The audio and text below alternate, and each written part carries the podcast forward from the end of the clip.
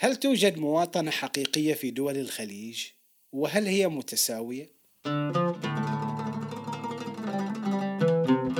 مرحبا بكم في بودكاست تو النهار. تو النهار هو اسم أغنية خليجية مشهورة ومحبوبة من كلمات الأمير محمد بن عبد الله الفيصل ومن ألحان وغناء الفنان البحريني أحمد الجميري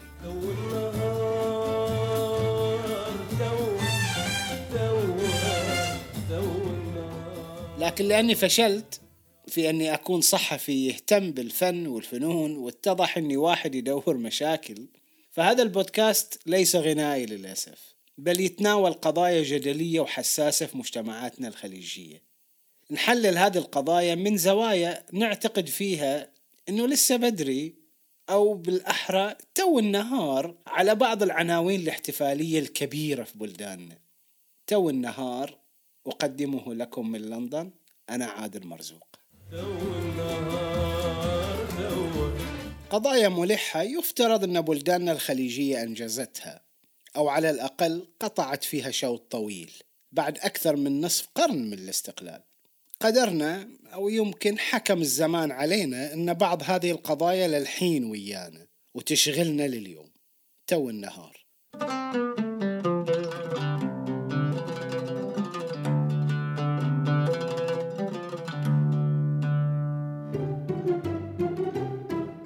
موضوع اليوم هو المواطنة المتساوية في الخليج.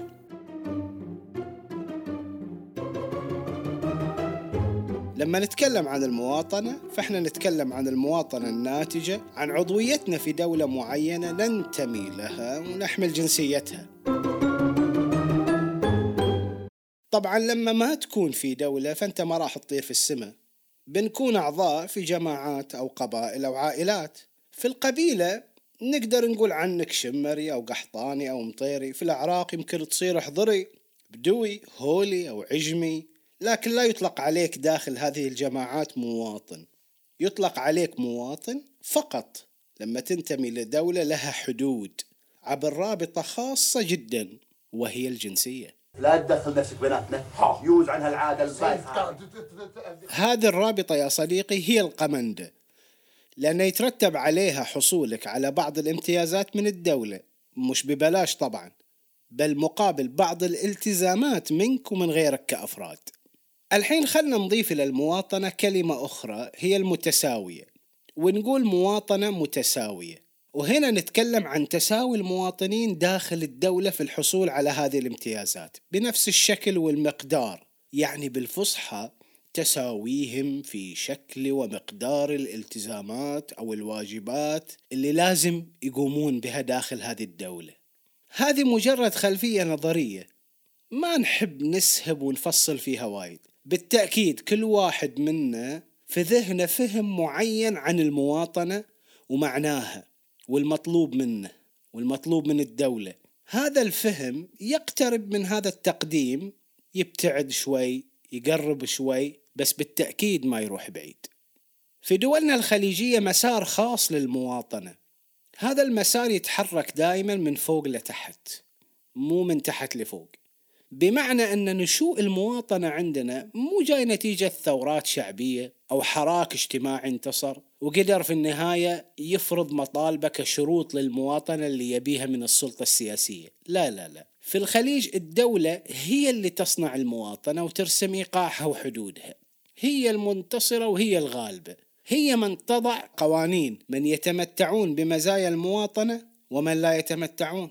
من يحق لهم الحصول على الجنسية وامتيازاتها وواجباتها ومن اللي يطلعون من الباب الشرقي. أنت رأسا من بطن أمك؟ نعم. لين عليه حتى في الدول الخليجية اللي فيها منسوب معقول من المشاركة الشعبية مثل الكويت والبحرين المشاركة الشعبية وظيفتها تدعيم موقف الدولة في المواطنة وتقويته. أبدا مش وظيفته فرض شيء مختلف عنه أو حتى تعديله. نقدر نقول إن المشاركة الشعبية موجودة في هذه الدول لكنها مشاركة مهندسة. ترى أنا اشوفني مقرقمة وحالتي حالة ترى فيني شدة فيني شدة للطباخ. في الكويت مثلا اللي فيها مجلس أمة عرمرمي وبصلاحيات واسعة كل مواقف الدولة المتشددة في قضية البدون البدون اللي تعدادهم يزيد عن مئة ألف ويعتبرون أكبر جماعة لا تحمل جنسية في العالم. كل مواقف الحكومة تتمتع بغطاء من مجلس الأمة المنتخب من الشعب. وفي البحرين كمثال آخر على كلامنا مجلس النواب أفشل مشروعين. آخرهم كان في العام 2007 لسن قانون يجرم التمييز الطائفي في البلد. أما الطامة الكبرى فكانت أن إسقاط جنسيات مواطنين بعد أزمة 2011 تم بمباركة مجلس النواب نفسه هل تعلم أن في حوالي 551 بحريني أصل وفصل بلا جنسية؟ عيدي يا بلادي عيدي يا بلادي هذا مش بالضرورة لأن البحرينيين والكويتيين يحبون التمييز واضطهاد بعضهم البعض لكن لأن حكوماتنا دائما تفرض إيقاعها. مثل ما نعرف الشيوخ أبخص. كل هذه القواعد تتغير اجتماعيا لما الشيوخ يغيرون رأيهم. سبحان مغير الأحوال. هذه قاعدة تشتغل بشكل قوي في الخليج. في الكويت مثلا لما قرر الأمير السابق الشيخ صباح الأحمد الله يرحمه منح المرأة حقوقها السياسية كاملة في الانتخاب والترشيح في مجلس الأمة على طول المجلس قرر الموافقة. في السعودية أيضا لما قررت الحكومة منح المرأة الحق في قيادة السيارة وتعديل نظام الولاية على المرأة وسفرها الشعب صار فجأة ليبرالي منفتح.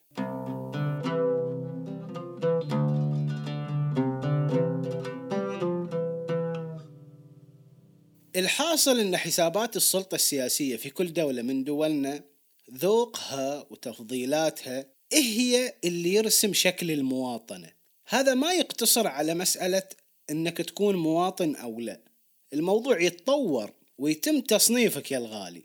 أنت مواطن درجة واحد درجة اثنين درجة ثلاثة درجة أربعة. في النهاية الواقع هو حاصل موازين القوى القائمة في المجتمع.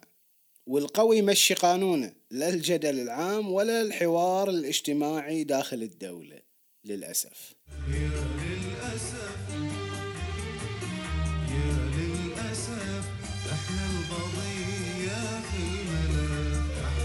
عملية الشراكة السياسية ومواطنتك عزيزي الخليجي في حالة سيلان. يعني تزيد وتنقص على مزاج الدولة.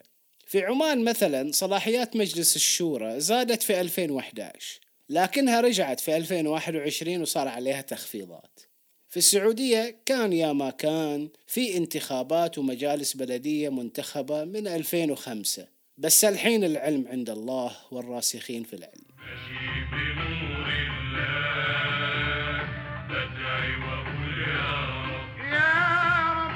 في البحرين وبسبب قانون العزل السياسي جزء كبير من هذا الشعب ما يحق له يترشح واللي يحق له يصوت وما صوت في انتخابات طافت صار ما يحق له يصوت. سالفة معقدة ما يعلم بها إلا ربنا على قولة المصريين. التصور المثالي اللي يعتقد أن وجود الدولة يخلق رابطة جديدة عابرة للطوائف والجماعات في المجتمع وأن هذه الرابطة تخلق المواطنة دايركتلي سالفة ما لها معنى بصراحة. الأصدقاء من اليسار الخليجي وايد يكررون أن الهوية الكبيرة تسمو على الهويات الصغيرة. كلام كبير لكن تطبيقاته تساوي صفر. على كل حال يا ولد العم نعم. اللي صار واللي استوى واللي بيصير نعم. كلنا إخوة بالإنسانية؟ أنا اشهد أمة واحدة من التايمز الهادر إلى الخليج الخادر دولنا في الخليج تستثمر في الروابط التقليدية. وفي النهاية تنجح في تعميق الولاء لها من جهة وتبرع في صناعة انقسامات أكثر داخل المجتمع. وهنا بالتحديد نصل إلى قاع بؤس عملية بناء المواطنة في الدولة. إذا حبينا نكون صريحين لازم ما ننكر أيضا أن مجتمعاتنا شريكة في هالأزمة. كثير منهم مستانسين بعد.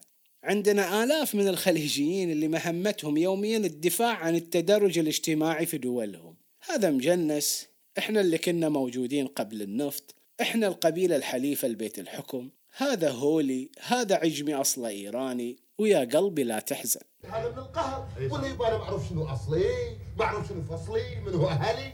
المناصب العليا والقيادية في دولنا شبه محتكرة لأبناء الأسر الحاكمة ومن يعز عليهم من القبائل والعائلات. بعدين دور من يعز على اللي يعز عليهم والنتيجة وجود أقليات مهمشة أو جماعات غير ممثلة أصلا. البحرين نموذج فاقع لما نتكلم عن التهميش والتمييز والأزمات الطائفية فيها مستمرة منذ عقود.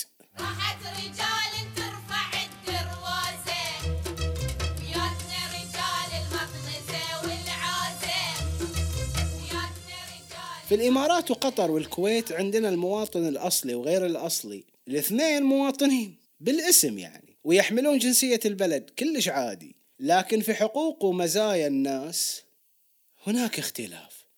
هذا يحق له يتعين وزير أو في مناصب عليا داخل الدولة وهذا لا. هذا يحق له يترشح في المجالس التشريعية وهذا لا. هذا يحق له يصوت في الانتخابات وذاك وظيفته يتفرج. تاريخ تختار الدولة وتقول يلا نصنف المواطنين. اللي كان في قطر أو الكويت أو الإمارات قبل هالتاريخ مواطن أصلي وكفو واللي بعده يقعد ساكت. أنا ريال متمسك بحقي والقانون بصفي. قانون هالبيت أنا اللي أنقحه.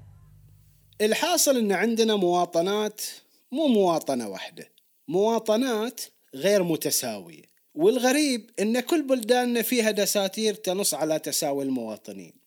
وفي هالدساتير أحسن العبارات وألطفها وأجملها وأروعها اللي تأكد على أن المواطنة متساوية.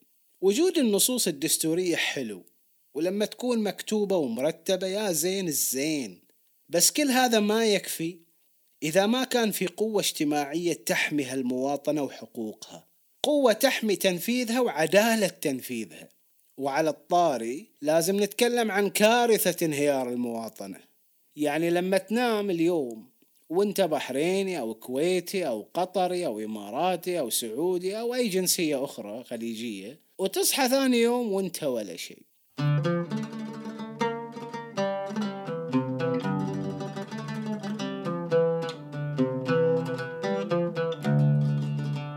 المواطنة الحقيقية والمتساوية تحتاج قوة اجتماعية تحميها. مو بس ملك أو أمير أو سلطان يقول أنا راعيها. نصير واقعيين يا جماعة ونقول تو النهار على الدعايات والعناوين الكبيرة. كلنا عيال قرية. وهذا سيفوه وهذه خلاقينه. هذا سيفو وهذه خلاجينا وإحنا يا ناس لا رحنا ولا جينا. كان معاكم عادل مرزوق من لندن في أمان الله. Adas eu vou, Adas eu vou,